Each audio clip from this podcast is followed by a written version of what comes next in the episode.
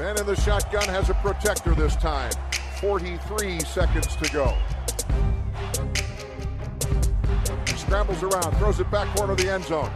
Santonio with a touchdown! I don't know how he did it! What a throw! What a catch! What a game! No, Mike 43, call 57. That! Suffocate him! Make him miserable! All game long!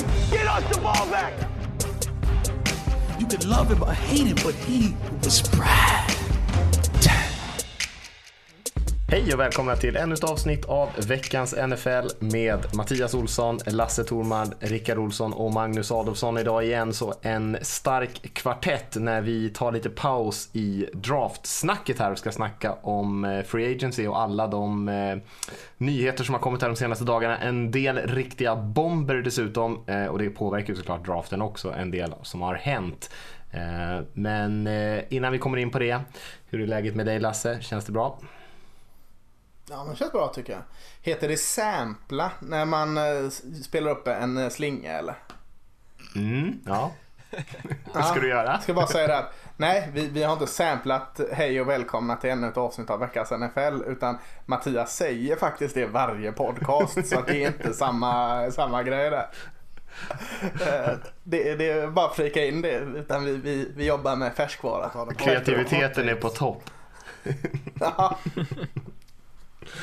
Nej men det är bra med mig. Eh, Hur är det med, med dig själv? Ja, det är bra tycker jag. Det är spännande. Eh, Man har ju suttit klistrad eh, med telefonen för min del och uppdaterat eh, Adam Schefters Twitterflöde här för att hålla koll på nyheterna. Så att, det har ändå varit kul och att det har varit så mycket action tycker jag. Det har varit andra delar av ens liv som kanske inte har varit riktigt så mycket action i på senaste tiden med tanke på en del globala pandemier och såna här grejer. Jag vet inte, hur är läget med, med dig Magnus? Eh, jo men eh, det är helt okej. Jag har börjat få ont i halsen och det är ju som sagt, du nämnde ju pandemi och det Ont i halsen betyder lite annat nu än vad det gjorde för några veckor sedan. Så att, eh, jag, jag, jag har lite så här stresspåslag över den biten. Men eh, precis som du sa, man uppdaterar Twitter och kollar Adam Schefter. Det händer ju saker hela tiden och det ska bli jättekul att prata och liksom analysera de här sakerna lite mer. Håller med. Rickard, du är snart eh, arbetslös, höll jag på att säga. Ja, snart stänger de väl skolorna. Jag blir inte av med jobbet. Det är inte jag som är Vem problemet. vet om de öppnar igen? Ja, det är ju faktiskt sant. Det är helt sjukt egentligen. Du kanske blir av med sommarlovet? Ja, så är det troligare att det Ja. blir så. Oj. Ja, Ett- det ju kaos. Ett förlängt Nej, påsklov. det dålig, blir dålig stämning direkt. Då får fan den här pandemin ut- hålla ut, tycker jag. Då får den i alla Är det fall inte därför leva. man blir lärare? Tänk på min För hals. För sommarlovet, precis. Eller Ja. för folksjukdomar. Ja, just det. Någon av de två. Smittorisken Någon eller det långa sommarlovet. Precis. Undvik att gå till arbetsplatsen. Vi är 800 människor i min lokal.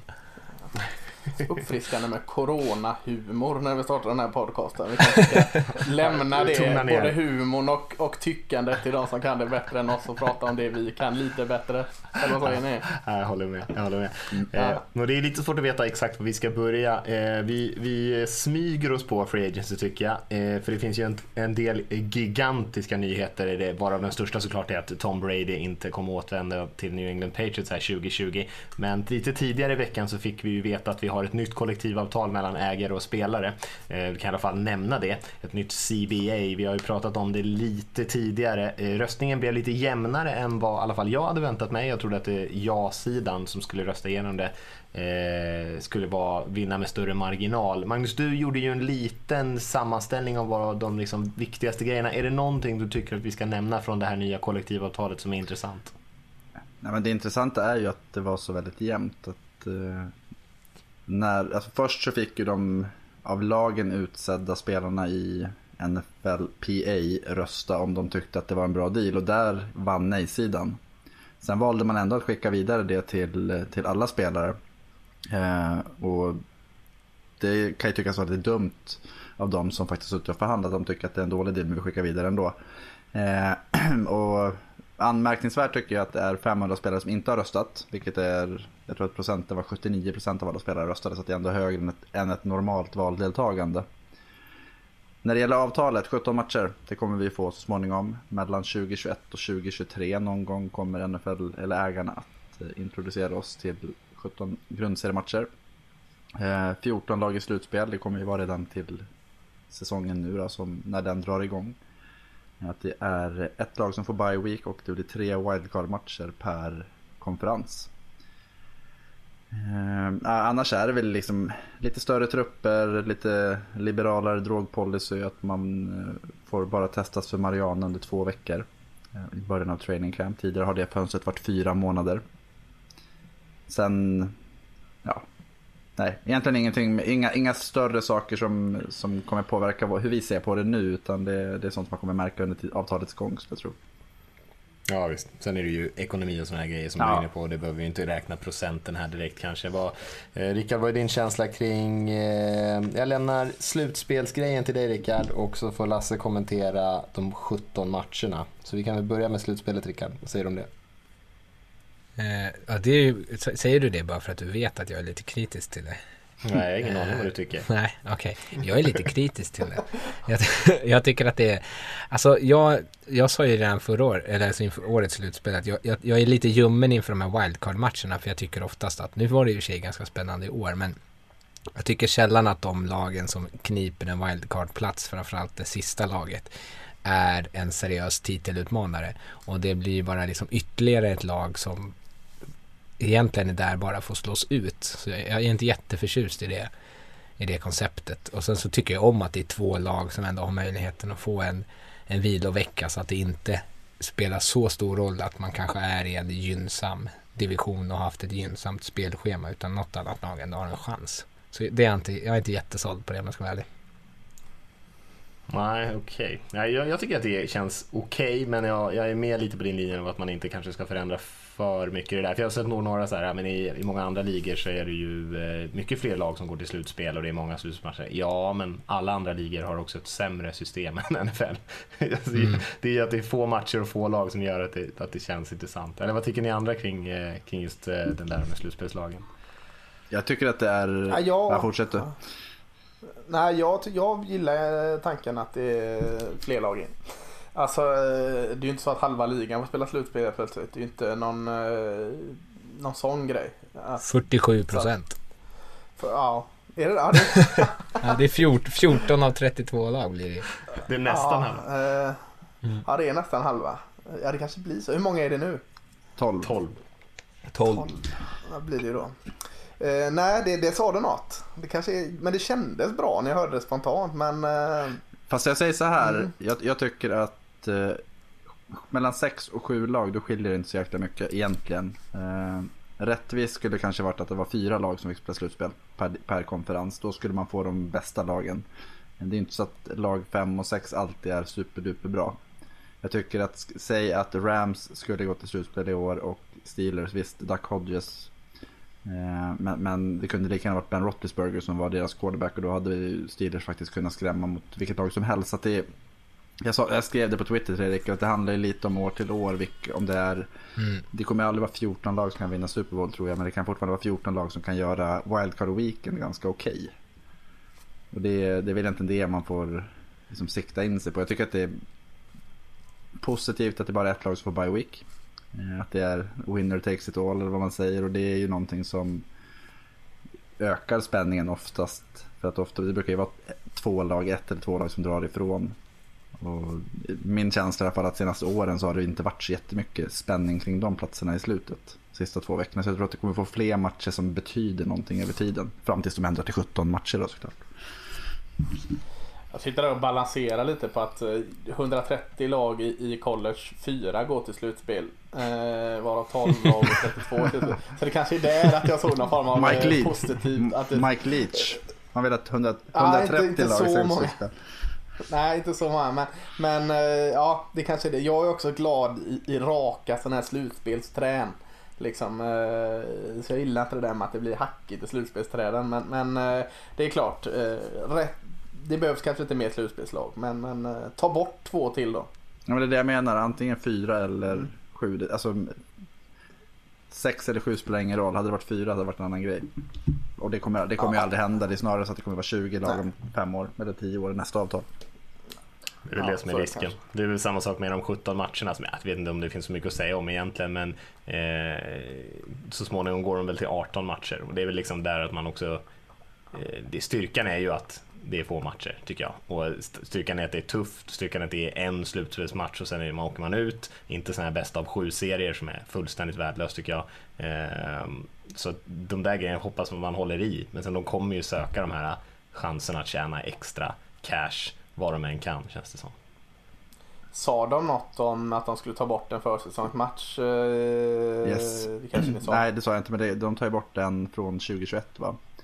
Eh, ja. Då kommer det vara tre slutspelsmatcher och den fjärde veckan ligger kvar som en bye week. Så att alla har ju en vilovecka fram, fram till säsongstart. Ja, just det. Så NFL-säsongen blir, startar lite tidigare eh, och vi slipper de här meningslösa eh, träningsmatcherna. Den borde starta samtidigt som nu i och med att det fortfarande är fyra försäsongsveckor. Men att det, den sista blir bye week. Jaha. Ja. ja, just det. Så blir det. får de till. Ja. Mm, ja. Eh, vi kanske ska lämna CBA där. Vi kommer ju återkomma till det så småningom. Jag kan ju nämna det med NFL-draften där i alla fall. Eh, just på grund av hela den här corona-grejen eh, så ställs den ju in, men ändå inte. Det blir inte några offentliga evenemang och ingen publik såklart. Istället så ska man försöka hitta lite kreativa sätt att sända draften digitalt och självklart kommer det ju välja spelare och sådär i vanlig ordning. Men det känns som att man ändå har möjlighet att hitta på någonting roligt där eh, och man har ju minst sagt resurser till att utforska lite olika möjligheter. Så förhoppningsvis kommer man på någon kul lösning som ändå gör draften eh, till en eh, kul upplevelse från soffan. Men det är klart, det går ju inte att ha det i Vegas och slussa ut tusentals människor och hålla på med sina små båtar och såna grejer som de hade tänkt göra. Det var ju uteslutet. Men mer än det, du säger komma på något sätt att sända den digitalt. Vad menar du då? Liksom? Alltså, eh, Ja, men de har sagt själva från ligans sida att de ska utforska lite olika kreativa sätt att göra det till en kul upplevelse. Vad det nu betyder. De kommer ju såklart streama den som vanligt. Men det, de, ja. kanske sätter de kanske sätter kamerateam hemma hos spelarna i, på liksom mer än vad de brukar. De kanske har något liksom... Ja, men styrvideo kan de göra fortfarande eller? Staden, det kan de ju såklart köra. Fast, eh, ja, det lär de ju. Fast det beror ja. på. Men man alltså, tappar ju både publiken och det här green room. Och man, det är ju inga spelare som går fram och så här uh, high-fivar. Och, och, och är liksom det är mycket dödtid i draften liksom. De måste ju fylla det på något mm. sätt. Ja. Alltså, jag, jag, jag säger så här. Sätt, sätt, en kamera i varje lags draftroom och så får liksom general managern gå fram och säga ja ah, men vi väljer den här spelaren. Då får man ändå det kommer inte tillåtas draftrooms överhuvudtaget för det kommer vara värre om de får tio personer så är det en klunga eller vad man säger. så det kommer, det... Inga problem med cowboys, det är bara Jerry Jones. Jo, men jag, jag, tror, jag, tror att vi får vara beredda på att det kommer se väldigt, väldigt annorlunda ut från vad vi är vana vid. Men en sak, en som är glad över det är säkert Roger Goodell som inte blir utbuad denna draft. Det, är liksom, det var, jag såg någon som sa att om inte, Vänta, om inte NFL har spelat in buljud från tidigare och kör den han uppe på scenen, eller var han nu kommer stå, så gör de ju bort sig. Ja, det är orealistiskt. Mm. Det är ja. som när man lägger till sådana här skratt på sitcoms och sånt. Så får man lägga in sådana här burop på en Roger Godell. ja, man skulle ju älska det. Eh, ja men eh, eh, nog om draften där. Vi lär väl bli, eh, få lite, läcka lite nyheter där kring vad de eh, kommer hitta på. För jag tror ändå de kommer göra någonting eh, lite speciellt. Förhoppningsvis någonting som, eh, som bidrar lite grann också. Att det blir lite roligare att fylla den här dödtiden. om vi ska hoppa in då direkt i Free Agency öppnade ju där klockan 17 den 16. Och, Igår igår när vi spelar in det här i alla fall. 21.24 eh, är klockan nu ja, så det, att, har vi missat något sak. så vet ni det. Ja. det är en viktig sak faktiskt för det händer grejer hela tiden här och vi har ett par stora grejer fortfarande kvar. Vi kan väl börja med de grejerna som fortfarande är fräscha och, och eh, osäkra i våran värld där innan vi går in och kollar på lite av de större händelserna. Och det är ju såklart det som jag nämnde i början där Tom Brady, quarterbacken New England Patriots, inte längre eh, lämnar efter cirka 20 år va? 20 säsonger han kört med Patriots mm. för mig. Mm. Eh, och eh, allt talar för att han eh, kommer att hamna antingen i Tampa Bay Buccaneers eller Los Angeles Chargers är det som det ryktas allra mest om och det har kommit ut ett par och har sagt att det är mer eller mindre klart med Tampa Bay. Men det vet ju inte vi riktigt till 100% när vi sitter och spelar in här. Han kommer ju åtminstone inte spela för Patriots eh, och det är kanske den vinkeln vi får ta i första hand just nu, att han lämnar New England. Eh, och eh, ja, det verkar som att det är, har varit väldigt mycket Brady som har velat lämna. Robert Kraft kom ut här och sa, ägaren av Patriots, och sa att om eh, Tom Brady hade velat spela för Patriots så hade de haft en deal. Mm. Nästan lika stort som att Jason Witten lämnar eh, Dallas Cowboys till Las Vegas Raiders. Igen. Eh, Jag, mi- jag misstänker att vi håller på den karamellen lite till och börjar prata om Tom Brady eller? Det känns ju surrealistiskt att eh, Tom Brady inte kommer spela i uh, New England Patriots. Det är ju jättekonstigt. Eh, om man bara ska ta ur den aspekten liksom. Hur många år har det varit nu? 20. Ja, 20 säsonger då i så fall. 20. Jag eh, minns var och när Drew Bledsoe spelade i, i Patriots men jag kan inte säga att mitt NFL-intresse var så stort. Så egentligen hela mitt NFL-liv har ju varit med Tom Brady som quarterback för New England Patriots. Ja, det är lite Darth Vader, är det inte så? Alltså att, ja men det känns ju ändå som att någonstans så, han är ju den, den här överlorden som alla någonstans har älskat att hata. Att, att plocka bort, eller Belichick är ju ännu, är kanske en ännu större Darth Vader egentligen, men med sin huvud och allt. Men, men alltså någonstans så känns det ju jätte, jätte, jättekonstigt egentligen att se honom i en annan tröja. Alltså tänk dig att se honom i Tempo Base tröjor. Med de här veckaklockssiffrorna. Alltså det är... Och eh, Patriots, eh, ja, vad ska, ska? Andy Dalton, eller alltså vem ska de ta in? Det är som, alltså, det är så, ja, men det är, det är, det är, det är så mycket sjuka grejer som kommer dyka upp som, precis som du säger Lasse, jag tror att majoriteten av de som kollar NFL i Sverige idag förknippar ju NFL med Tom Brady och Patriots. Alltså att det, det är liksom, det är den givna saken som finns. Och det, alltså, det, ja, det kommer vara väldigt, väldigt skumt att se honom i en annan tröja. Det kommer vara väldigt skumt att se en annan quarterback i Patriots. Och samtidigt så är det ett extremt kul experiment att se vem av dem var egentligen den stora faktorn. Och det, det är väl lite orättvist att Brady är 43 år eller vad han blir när säsongen drar igång. Men, Ja, men ändå någonstans att kan Belichick gå in och vinna en Super Bowl med Andy Dalton så kommer ju väldigt, väldigt många få vatten på sin kvarn när man pratar om att, Brady, att det var Belichick som gjorde Brady. Man glömmer så snabbt. Eh, Jag kommer inte ihåg att det kändes så konstigt när Peyton Manning lämnade Colts. Det är lite samma, samma där. Mm. Men det kanske det gjorde, jag vet inte. Men det var inte den supereran Colts hade kanske som Patriots ändå har haft. Han vann väl bara en Super Bowl där. Och sen så var det ju liksom året efter hans nackskada. Så det kändes som ett ganska nästan naturligt avbräck liksom. Han, Ja, var, han spelade inte det året liksom. Nej. Nej. Nej, jag håller med. Det, det, är ju, eh, det ska bli intressant att se vad, vad Patriots gör här. Och nästan oavsett vad som händer, om nu inte eh, Brady bestämmer sig för att han ska lägga skorna på hyllan helt plötsligt, för det är väl också fortfarande ett alternativ, antar jag, ehm, så är kommer det ju vara eh, den kanske största storyn när vi går in i nästa NFL-säsong. Och det är otroligt intressant att se såklart vad han kan göra. Ehm, och även vad som kommer hända med, med Patriots här. Och, som ni är inne på, Peyton Manning såklart. Kanske uppe i nivån av Brady. Eh, inte längre kanske, men jag tänker särskilt här borta i Europa, i Sverige, där Patriots är ett stort populärt lag, kanske det största populäraste i Sverige och Europa över tid här, så är ju Brady den absolut kändaste NFL-spelaren ja, utan konkurrens egentligen. Peyton Manning tror, jag inte är i närheten, om man, i alla fall inte om man ser på de senaste liksom, 10-15 åren, så, så tror jag att Brady är betydligt mer välkänd. Alla vet vem det är. Mm. Absolut. Ja, ja, jag, den här tiden förra året satt jag och sa att Jared Stidham skulle gå in och... Nej det gjorde jag inte efter draften. Att Jared Stidham skulle gå in och ta Bradys jobb. Så jag står fast vid det. Jag, möjligt att de draftar Andy Dalton som en trygg backup till Jared Stidham.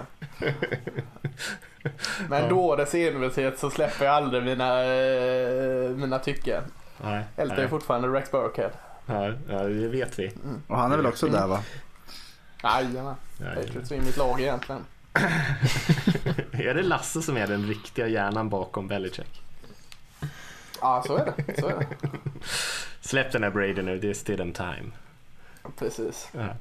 Eh, men vi kanske ska lämna Brady-nyheterna. Som sagt, det finns eh, gott om saker att snacka om. Eh, I övrigt kan vi också nämna den här nyheten som kom alldeles nyss här. Eh, Philip Rivers eh, som har spelat quarterback för Chargers en lång, lång stund eller tid eh, har nu signat med, eh, eller kommit överens med Indianapolis Colts om ett ettårskontrakt på 25 miljoner per år. Eh, oklart tycker jag. Colts är ju relativt bra just nu och är ju ändå i position att kunna utmana på en viss nivå. Men Rivers, vad har han kvar? Ett år. Känns som är extremt kortsiktigt eh, och dessutom som vi kommer komma till lite senare här så byter man ju bort eh, sitt val i första rundan dessutom för att få tag i defensive eh, line-spelaren till Forrest Buckner från 49ers. Vad säger ni om Rivers-bytet? Ja, du får rikta frågan när vi är så många, annars kommer vi bara ha massa Mm. som pratar i munnen. Mm. Rickard, vad tycker du om Rivers? Han som är lite AFC West eh, känd för dig. Ja, jag tycker att det är lustigt. Eh, och framförallt så tycker jag det är lustigt att man tar det på ett år. För antingen så måste man liksom tro på att man kan vinna med honom liksom inom det närmsta spannet och signa honom längre. Eller så tänker man att han ska kunna coacha liksom upp någon ung tupp som man plockar in. Men då har man Brian Hoyer har de ju där vet du. Så det går till? Brian Hoyer har de ju där så att det är ju coach upp Brian Hoyer känns inte sådär. Alltså om de skulle liksom plockat någon i draften som han skulle kunna vara mentor åt. Han är i och för sig helt fel person att vara mentor. Eh, och eh, de har bytt ut bort sitt val i första rundan. Så jag vet inte, alltså det här säger väl antingen så tänker de att ah, men vi kan på riktigt vinna allting nästa år med Rivers som, som QB. Och, och det, för, ja, jag, det vet jag inte hur de tänker sig. Alltså han är duglig. Men eh, han kan inte vinna några matcher åt dem. Nej, jag tycker lite hård där ändå alltså. Jag, eh, Rivers har ju verkligen inte haft goda förutsättningar de sista fem-ish åren hävdar jag. Den här- Helt plötsligt har han eh, betydligt bättre förutsättningar, en bättre offensiv linje. Känns som en, en tryggare plats att spela i.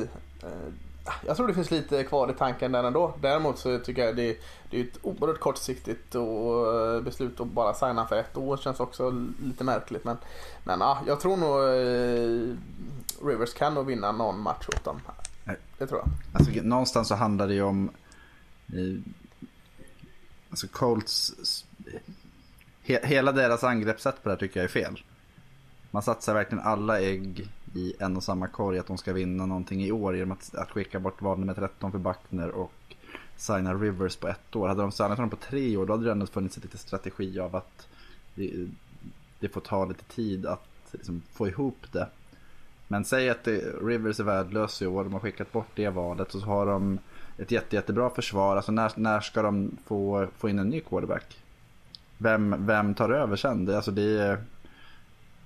Ja, men då kanske man får frågasätta eh, bytet de gjorde med 49ers. Ja, det, det, det, ifrågasätter jag mer Ja. egentligen. Jag, Vi pratade om dem förra veckan och då sa jag att eh, jag, jag skulle inte vara förvånad om man tar en quarterback med det valet. Någon, om man tror på någon. Men, Nej, någonstans det. nu så skickar man ju bort det mot en jätte, jättebra defensiv linjeman. Men ja, jag vet inte. Jag, det hade nog, jag hade nog varit lite irriterad om jag var Colts-fan faktiskt. Ja, det känns inte som att det är Ja. någon... eh, Och de har ju eh, ett riktigt bra front office i, Indianapolis. Har ju gjort, tagit många bra beslut de senaste åren. Eh, Så att därför är det kanske ännu mer förvånande. Och man undrar om det är någonting som man har missat nästan. Men det känns inte som att det finns så mycket att missa. Och det är ju inte så, nej, förlåt, det är inte så heller att Jacoby Brissett ska sitta och värpa och lära bakom heller. Han har ju kört nu ett tag liksom. Eh, det är ju inte framtiden heller då bevisligen liksom. Så, nej. Nej. Eh, jag vet inte. Ja, intressant. Vi, eh, när vi har rivit av dem där så tycker jag att vi tar eh, en lite mer ordning och reda här och börjar med kanske tradesen och sen gå igenom de mest intressanta free agent eh, vi sett. Och det här är, det är mycket nu, säger jag innan vi börjar. Det är många namn, eh, många spelare som har bytt lag så vi kommer vara tvungna att hålla lite tempo här om vi överhuvudtaget ska eh, komma igenom dem. Och eh, vi börjar med tradesen tycker jag. Och eh, där har vi ju den eh, stora grejen som kom tidigt. Eh, det var ju att Texans och Cardinals eh, dealade lite grann. Eh, det kom ut först att David Johnson skulle gå från Cardinals till Texans, deras running back. Och sen så kom det fram att det var en paketdeal där DeAndre Hopkins, receiven i Texans och ett val i fjärde rundan gick till Cardinals. Eh, DeAndre Hopkins är en av eh, NFLs bästa receivers. Och tillbaka då så fick man Eh, David Johnson, running backen, och ett val i andra rundan och ett val i fjärde. Så man kan i stort sett säga, skulle jag säga, för David Johnson, inte särskilt mycket värde, bär på en tung lön dessutom. Jag skulle inte säga att han är värd något draftval överhuvudtaget. Så egentligen är det DeAndre Hopkins mot ett val i andra rundan som man gör här. Och många reagerar ju på den. Bill O'Brien är igång igen med sina crazy deals eh, och får dåligt värde som han har fått i nästan allt han har gjort sedan han tog över tycker jag. Eh, och har ju fått oceaner med skit eh, för den här eh, traden. Eh, vad, eh, vad tänker du kring den här Lasse? Ja det är ju helt eh, sjukt är det. Alltså, jag, fatt, jag tror det var någon annan Hopkins som hade i truppen först. Att det var någon gammal rostig tight end eller något de slängde, slängde bort när jag liksom fattade att Först när jag läste den så här, det är länge inte konstigt liksom. Men vänta nu, DeAndre Hopkins, receiven. Nej, nej, nej. Vad, vad, vad har jag missat liksom? Så, så jätte, jättedumt. Jag ser inte liksom, eh, oftast så borde man kunna säga, ja ah, men de vann nog där, men jag ser en uppsida där. Jag ser inte det liksom. David Johnson som ni säger, var ju bra, var det två eller tre säsonger sedan han var väldigt, väldigt bra. Sen skadad, kom han aldrig tillbaka efter den. Så, så det är ju inte, det är ju eh, i bästa fall en chansning. David Johnson. Så att jag fattar inte. Och samtidigt så satt vi ju förra, innan förra eh, Free Agency och allt detta och draften och sa vad håller du på med? Bill O'Brien, du gör fel efter fel tycker vi. Och så tog han sitt lag relativt långt i slutspel ändå eh, med det här besluten. Så att Nej, jag, jag, kan inte på något sätt se att eh, han gör rätt här. Men, men eh, ja, jag vet inte. Jag ska akta mig för att hugga han totalt med fotknölarna. Fast enda skälet till att eh, att han skulle få rätt är ju att någonting som vi inte vet inträffar. Att Hopkins mm. bryter benet eller något sånt. Alltså liksom. Ja, det, det, liksom, känns som en äh, ren stolthetstrade. Du är lite för ja, obekväm så att jag skickar iväg dig. Ja. Uh, och, ja, han känner han behöver inte en receiver. Det var ju andra, behöver inte honom. Har bättre. Ja, men det var ju andra trades sen som kom senare med andra receivers som där fick ut mer. Så att liksom, både att skicka ja. iväg den liksom kanske bästa offensiva spelaren de har och dessutom till det priset känns ju som, ja, jag vet inte vad. Det, han hade inte överlevt länge på gatan. Nej, jag kan väl på något sätt stå bakom att man, man eh, nu känner att det här är inte min spelare. Liksom. Att jag, jag kommer inte vidare med honom. Det kommer inte, någon av oss måste lämna. Men fan kräma ut mer av det då än det här. Alltså lyssnade han på någon annan eller tog han bara första bästa som ringde? Eric DeCosta, som ringde på skämt? Eric DeCosta fick ett val i femte rundan för en reservkicker som var kutta. Alltså liksom, förstår att få ett andrarumsval för DeAndre Hopkins. Det är ju liksom, ja. Oh. Mm. Nej, det är väl det som är problemet. Och jag menar, det gick ju rätt bra och Bill O'Brien kanske räddade lite av sitt ansikte förra säsongen när, han, eh, när Tunsil spelade väldigt bra, deras left tackle. Mm. Men jag skulle nog fortfarande påstå att det var en dålig trade från hans sida. De betalade ju fortfarande mycket. Det var inte, egentligen, problemet var ju inte att Tunsil är en dålig spelare. Eh, utan problemet var ju att de betalar ju två val i första rundan va, för, för Laramie Tunsil. Ja. Förra. Och det är ju, eh, hur bra Tunsil än är så är det dåligt. Mm. det är lite som... Ja eh, men där kunde man ändå liksom se något så, ja men de fick, de fick sig en bra left tackle. Det är det jag menar, det var fortfarande en dålig trade. Här kan jag inte ens se det liksom. De, de fick sig ett val i andra rundan. Ja det hade nu kunnat få för vad har de där? Kiki Coty kanske inte men, men Will Fuller hade de kunnat dra ut val andra rundan på deras andra eh, tredje receiver. Ja det, är väl det, ja, det är väl det som är problemet. Eh, ja. men vi hoppar vidare lite snabbt här. Eh, Rickard, du kan väl kommentera den här Stefan Diggs eh, traden, eller traden, eh, ja trader var det faktiskt när eh, Stefan Diggs gick från Vikings till Buffalo Bills mot ett val i första rundan och det är ju också en eh, en topp-receiver som många nog skulle säga är snäppet bakom Hopkins, men man fick bättre betalt. Det är det som gör att det känns så lustigt och det känns som också som att Diggs har varit mer, kan man säga, jag blåst lite mer kring honom om att han inte verkar så nöjd där uppe i, i Minnesota. Och så därför känns det som att de fick väldigt bra betalt. För Bills så blir, är det ju väldigt kul. De har ju en väldigt spännande receivergrupp här nu. Eh, där Diggs fyller på. Så, eh, jag vet inte, jag, jag, här tycker jag inte att det finns en, en jättetydlig förlorare. Bills valde ganska sent. De hade säkert kunnat fått en helt okej okay receiver. Men det känns också kanske en trygghet om de vill bygga kring Josh Allen och ta något som de faktiskt tycker är liksom riktigt bra. Ja, får hoppas att eh, Josh Allen lyckas eh, få ut allting ur Diggs. Det är väl snarare det som är, eh, för Diggs är ju en bra spelare och ser hur frustrerad han blir när de springer Ja, bollen väldigt mycket och Josh Allen eh, missar med två meter. Vi får se. Jag ska inte vara taskig mot Josh Allen här, men eh, det är ju eh, det är klart att det, det han hade ju kunnat hamna kanske i bättre situationer om han ska pila stats så att säga. Det känns som att Vikings får en- var lite taskiga Ja. mot Diggs. Eh, jo, kanske det också i och för sig. De, de ville straffa han lite, skicka upp honom till Buffalo och frysa arslet av sig och, och eh, fånga de där kanonerna från, från Allen. Eh, Han satt och så på geografilektionerna. Upp är det väl ändå inte? nej, jag vet inte vet. inte, från, inte från Minnesota kanske. Han, och för sig. han, är, han är från Maryland. Ja, Ja, men så det ju riktning. Det är, Ja, det är, ja, ja, från Maryland. Herregud. Apropå Maryland, Yes. jag på säga. Eh, så får du en eh, dubbelkanon här, eh, Magnus.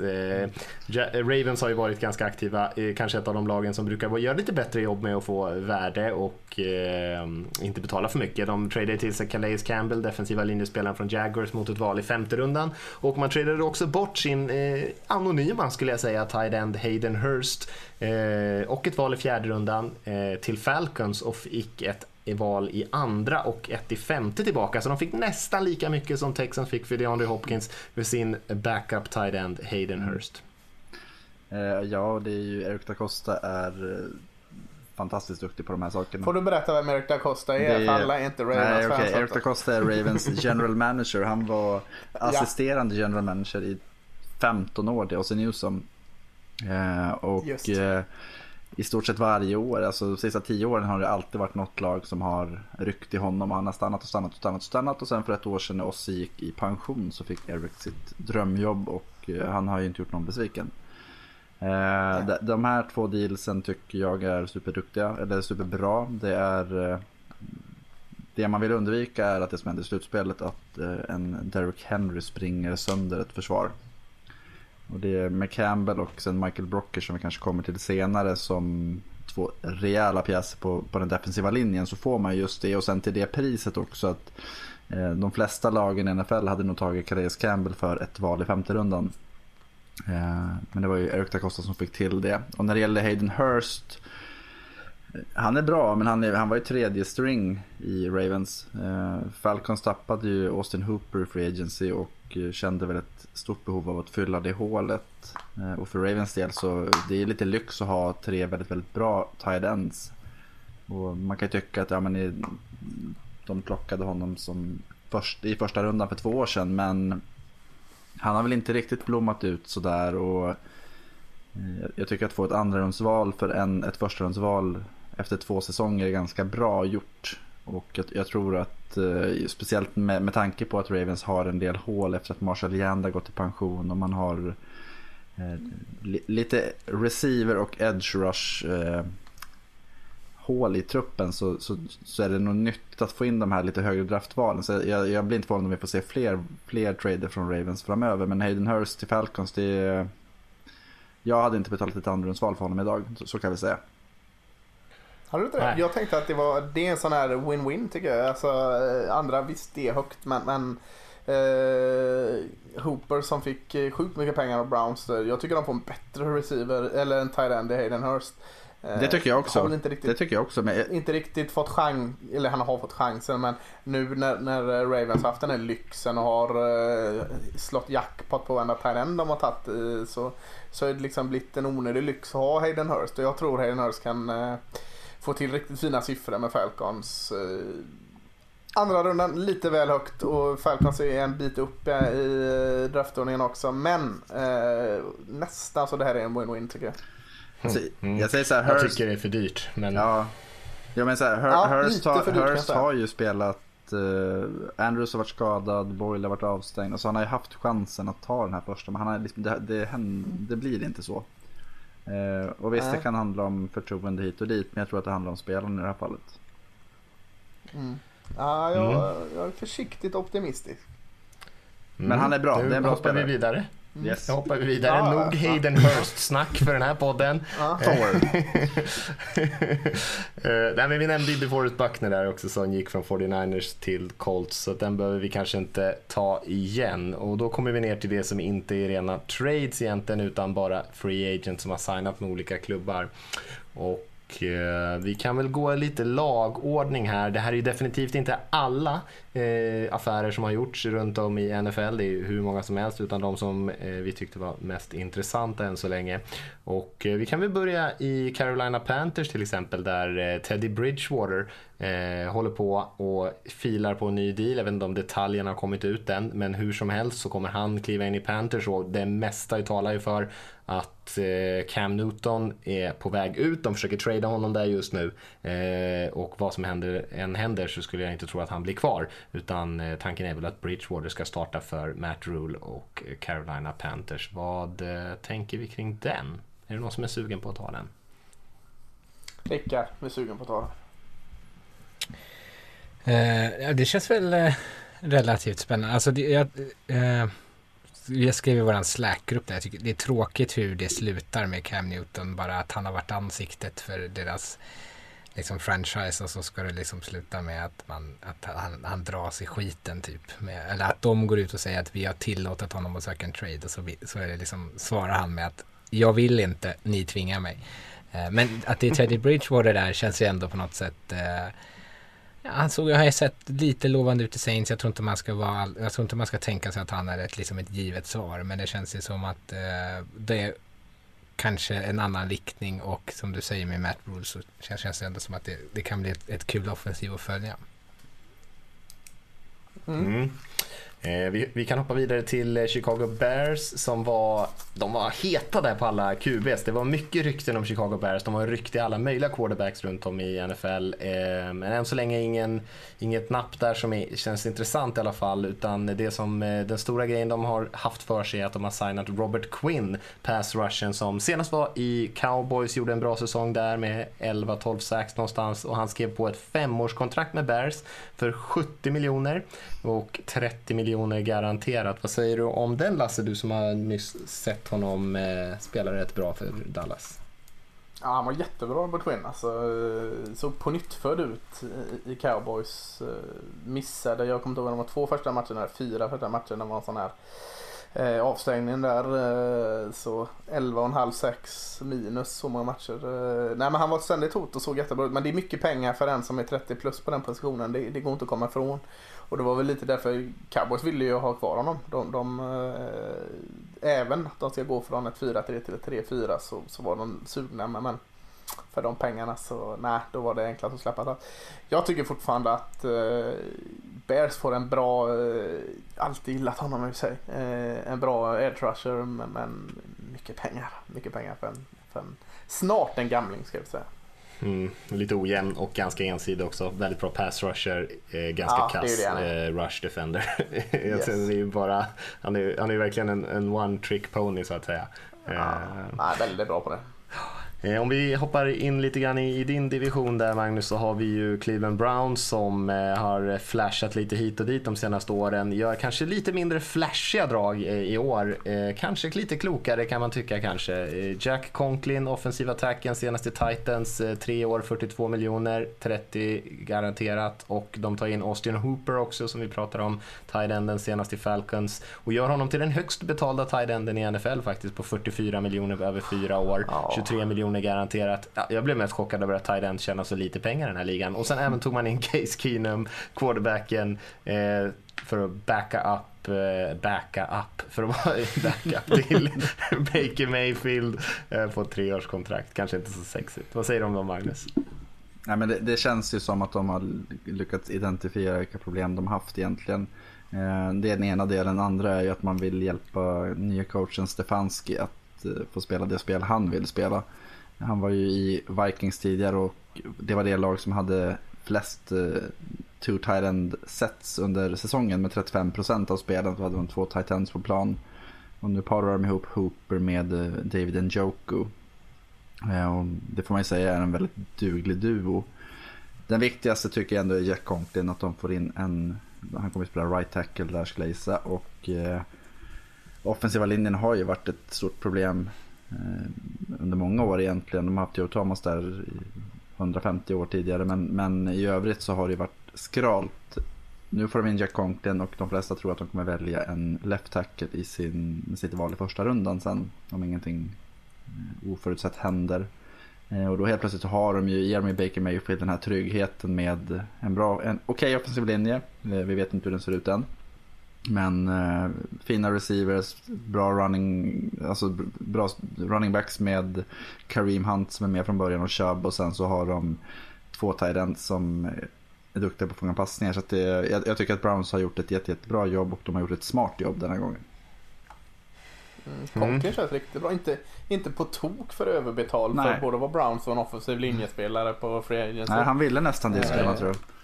Ja, alltså 3 år 42 känns hyfsat rimligt och det, det har man inte liksom dratt om eh, eh strecken mellan Browns och, och Free Agent signingar innan.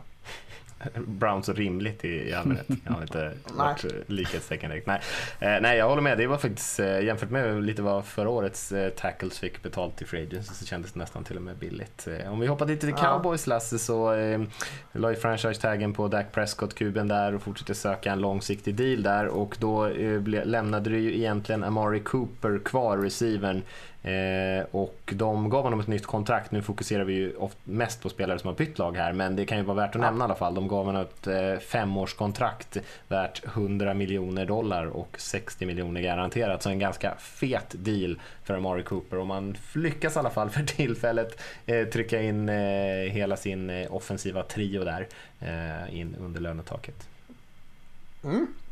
Amari Cooper har varit jättebra så, eh, sen han kom till Cowboys och det var givet att eh, Cowboys skulle eh, signa honom konstigt att det inte blev klart innan Free Agency.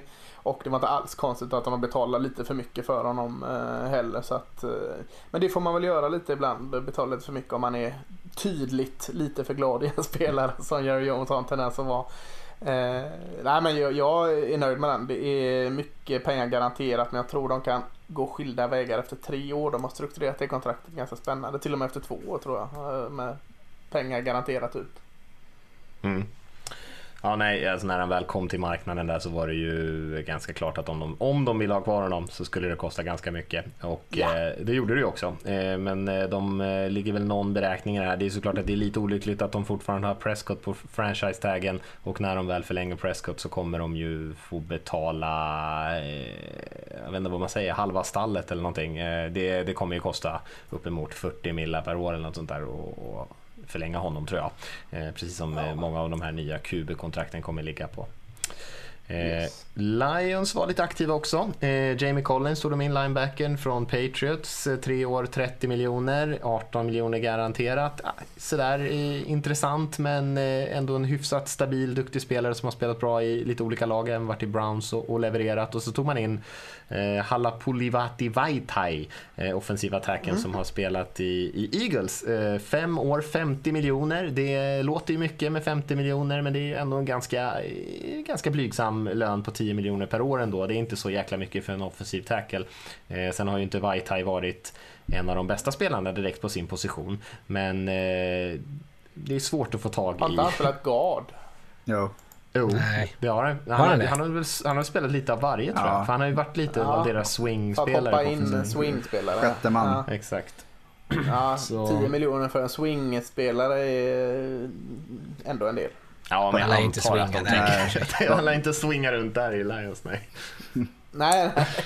nej, han är nog starter. Ja. Swingers-fantasten eh, Halapulivati Vaitai. Big V. Big, Big V som många börjar skriva helt plötsligt. Jag bara, vem är Big V? Kallas han för det? Är det något som man ska ja. känna till? Eller sådär? Nej. Han är ju jättestor.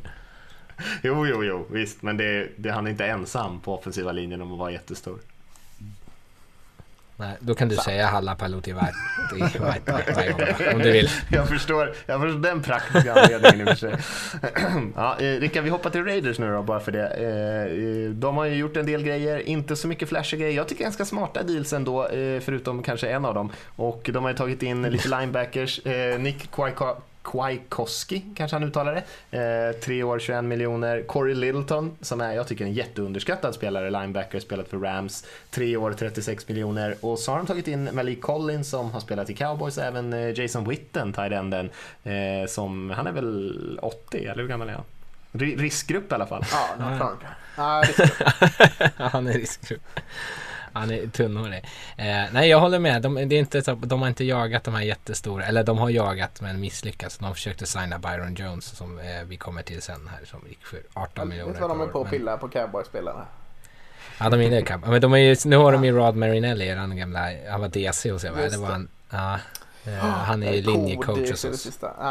Code DC. Mm. Just det, Chris Richard. Ja, ja. Eh, nej men jag, jag, tycker det, jag tycker det är bra. Eh, Littleton är ju en typisk, eh, han är bra i coverage och det behöver vi verkligen. Eh, Kwiatkowski är ju kanske inte lika bra i just coverage men han känns verkligen som en typisk Gruden-person. Eh, Jason Witten ja, vet, jag vet jag inte vad vi ska göra. alltså det, känns, det där känns skitkonstigt.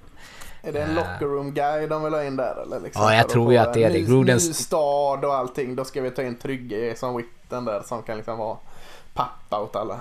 Ja, det, det, ja, så att de inte går på the strip allihopa. Nej, precis. Uh, nej, det, jag, ty, jag tycker att den är jättekonstigt. De pratade så mycket förra året om att de hade så bra eh, liksom, grupp med sina tight ends. Uh, så jag, jag, vet inte riktigt vad han ska göra där. Uh, men ja, kanske bara vara en trygg kille. Gruden sa, har liksom sagt här nu tydligen att uh, no, there's nothing he can't do. Uh, så vi får väl se vad det innebär. Kommentera. There's nothing he can do det. ja, precis. Ja, det kan han ju inte heller. Uh, Men, is there, is there anything he can do? Ju, ja, precis. bättre var ju Malik Collins. Han, han tyckte jag var mm. jättebra mm. D-tackle i Cowboys när han kunde vara hel. Jag hade lite problem med det. Visst är det Nebraska va? Eh, det är det väl ja. Eh, eller är det Nej det är Nebraska. någon annan Skitsamma. Big Ten-skola? Eh, ja, det kan vara skitsamma. Nebraska är det ja. Eh, nej men han har varit jättebra så att eh, den känns bra. Och får han fortsätta med Rod Marinelli så är det väl det tryggt liksom. Ja precis. Jag tror att båda två var intresserade av att ha med varandra att göra.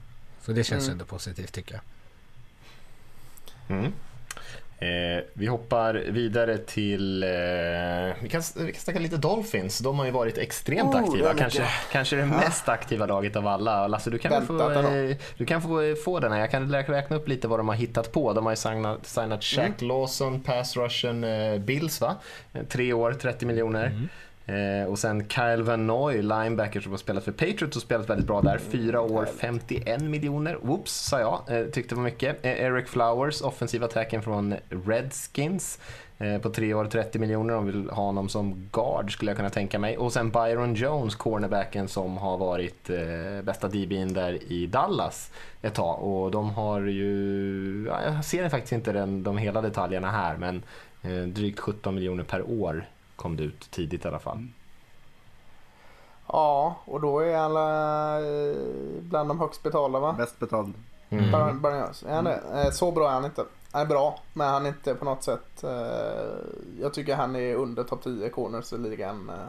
Utan att snack bra, men inte för de pengarna. Eric Flowers, det är ett projekt som alla vill fortsätta med Eh, det som jag stryker under med när man ser o-line som är stora och atletiska och som är ett projekt som alla kan forma. Eric Flowers är ju motbeviset till det. Det är ingen som har kunnat forma han än. Så att han kan vi skita i så länge. Cal Fanoi, grym eh, linebacker men som du säger vad har vi, 51 miljoner på, på fyra år för en linebacker. Uh, det är mycket ja.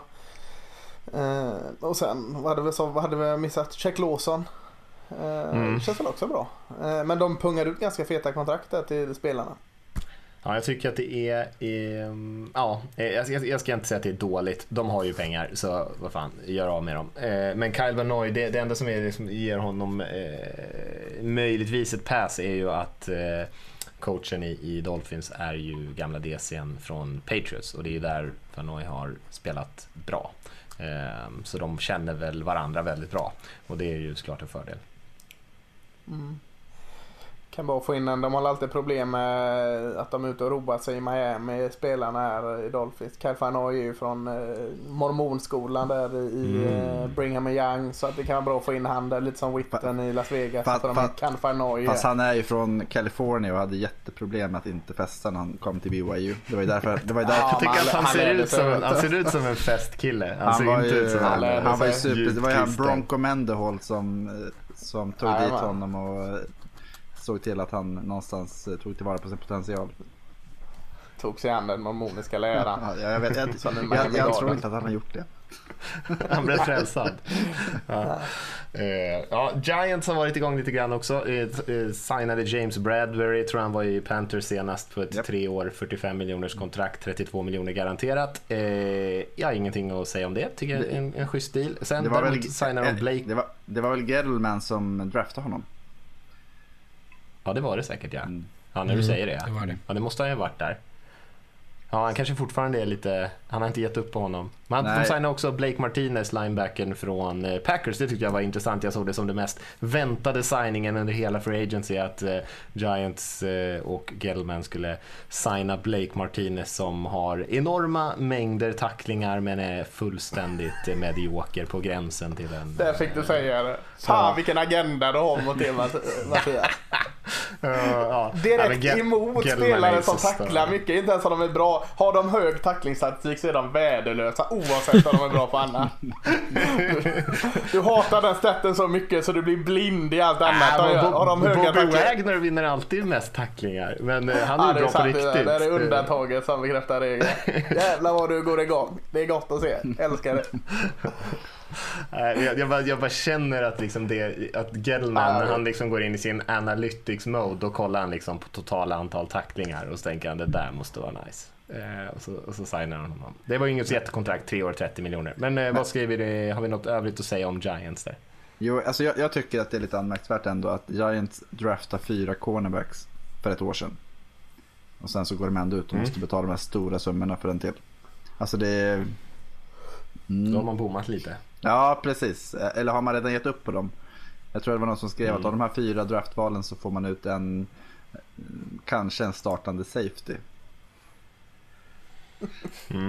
Så att, ska, om man ska försvara dem i det så ska man väl säga att det dummaste man kan göra är att stå och försöka försvara ett misstag som man själv Ja, liksom tycker är ett misstag. det. Våga gå vidare, det tycker jag ändå man ska eh, tycka är okej. Sen- Det är dåligt att de misslyckades förra året med sina draftval, men det hade ju inte varit bättre av att fortsätta ignorera Nej, vad man nej, tycker nej. är ett behov. så det, gå vidare från dina misstag tillbaks till något du hade förut.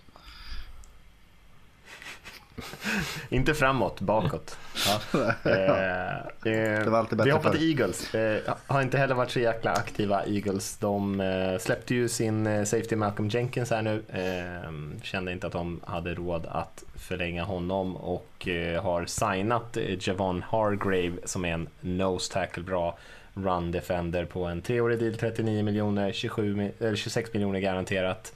Eh, är det någon som har några särskilda hot takes om eh, nose tackle Hargrave? Nej, Alltså, Nej, känns eh, tråkigt. Nej, vadå tråkig? Han är från, eh, vad heter de? Eh, South Carolina State. Han var ju fantastiskt tråkig. bra på college och jätte, jättebra för Steelers senaste två åren. Och jätteskönt att han byter konferens. Ja, han är en bra spelare. Eh, kanske inte det sexigaste att plocka in nose tackle Nej, men jag säger inte att den är dålig. Det är bara tråkigt. Nej, Man vet vad man har. Det finns inget att säga om Harvey. Han kommer göra jättebra Nej. i, i Eagles tror jag. Han kommer vara bättre där än vad i Steelers. De har ju en hyfsad D-line, brukar ju ha det. Eh, det 49ers är då kan vi nämna att de, vi pratade ju om att de släppte Buckner och någonstans blev det ju en eh, ekvation för dem. De har ju många högt, högt draftade, duktiga spelare på sin defensiva linje och i sitt försvar i allmänhet. Och eh, de valde att förlänga med Eric Armstead eh, på deras defensiva linje. Han fick ett femårskontrakt på 85 millar, boop, boop, med 48,5 garanterat. Så eh, en ganska saftig deal där. Inga kommentarer på den. Jag tycker det var för dyrt. Eh, jag tycker att man signar en spelare på sin absoluta peakvärde här. Eh, Armstead hade ju ett karriär. Vad ska man göra Nej, då? men lägg till att de skickar bort Buckner så blir det ju alltså ännu Ja. skummare. Alltså de måste ju... Ja, de har ju värderat Armsteads... Men Buckner hade varit ännu dyrare. Ja men jo, men hur mycket Mm. dyrare? Hade han varit varit eh, Ja. 15 miljoner dyrare. Alltså jag kan förstå varit bättre. logiken i det, för de hade säkert inte fått ett val i första tillbaka för Armstead. Nej. Så det kan jag till viss del förstå. Men eh, sen, ja, men det är klart att man inte ska signa spelare helst, Lasse, när de är värda som allra mest. De, man ska ju inte signa dem när de precis har spelat sitt livssäsong, utan man ska ju signa dem innan det. Eh, helst. Eh, om Ja, man det är också vill. en svår balansgång det. Ja, liksom. ja, det, är ja, ju inte, det är ju inte så här världens under... Det händer ju liksom. Du kan ju inte, ska du signa alla när, ja, jag tror de blir bra och så blir det nere i källan sen. Så att, absolut, jag köper ett argument men liksom, man kan ju inte bortse från det. Nu råkar Eric Hempstead vara bra liksom, eh, på toppen. Så ja, då kostar det en stor hög med pengar extra. Och det är ju såklart, jag köper ett argument men ibland så får man liksom, ja, shit happens, man får köra det för att du behåller en bra spelare. Ja, men så är det ju såklart. Eh, nej, men jag tycker väl kanske att han är väl den tredje eller fjärde bästa spelaren på den här defensiva linjen och eh, då tycker jag att det var lite för dyrt helt enkelt. Så det är bara det jag tycker. Eh, sen Ja, men det jag vill man behålla honom då får man väl betala det han är värd. Så är det ju bara. Och som sagt, de kanske inte hade fått något högt draftval om de hade valt att trada honom istället för Buckner. Så då kanske man gjorde någon kompromiss där. Att man kanske nöjer sig med att bli lite sämre på den defensiva linjen och om man kan bli lite bättre någon annanstans. Ja, Jag kan tänka mig väl- Jag kan tänka mig att de ringde runt och kollade, är det någon som vill ha Armstead? Och fått svaret, nej, Nej. vi vill ha Buckner. Ja, exakt. Mm. Jag kan tänka mig bara, att det var ja, exakt ja fan då gör vi så istället då. Ja. Mm. Nej, det tror jag faktiskt att låter vettigt. Eh, Vi ska avsluta med en, på, en, på en pang tycker jag. Så att vi kan väl nämna Redskins här först nu. De har inte heller varit sådär superaktiva förutom att de har, har gjort en del med sina egna spelare. Men de, eh, Kendall Fuller fick ett kontrakt där värt eh, 40 miljoner över fyra år. Eh, är ju intressant i alla fall tyckte jag. Eh, men i De övrigt har de varit ganska tyst om Redskins. De tradar ju bort Tog honom upp också. Josh. Alltså de tradade ju bort Fuller till Chiefs för Alex Smith va? Så tog de tillbaka honom Mm, nu. just Han, det. han kommer ju tillbaka med en ring. Mm. Ja.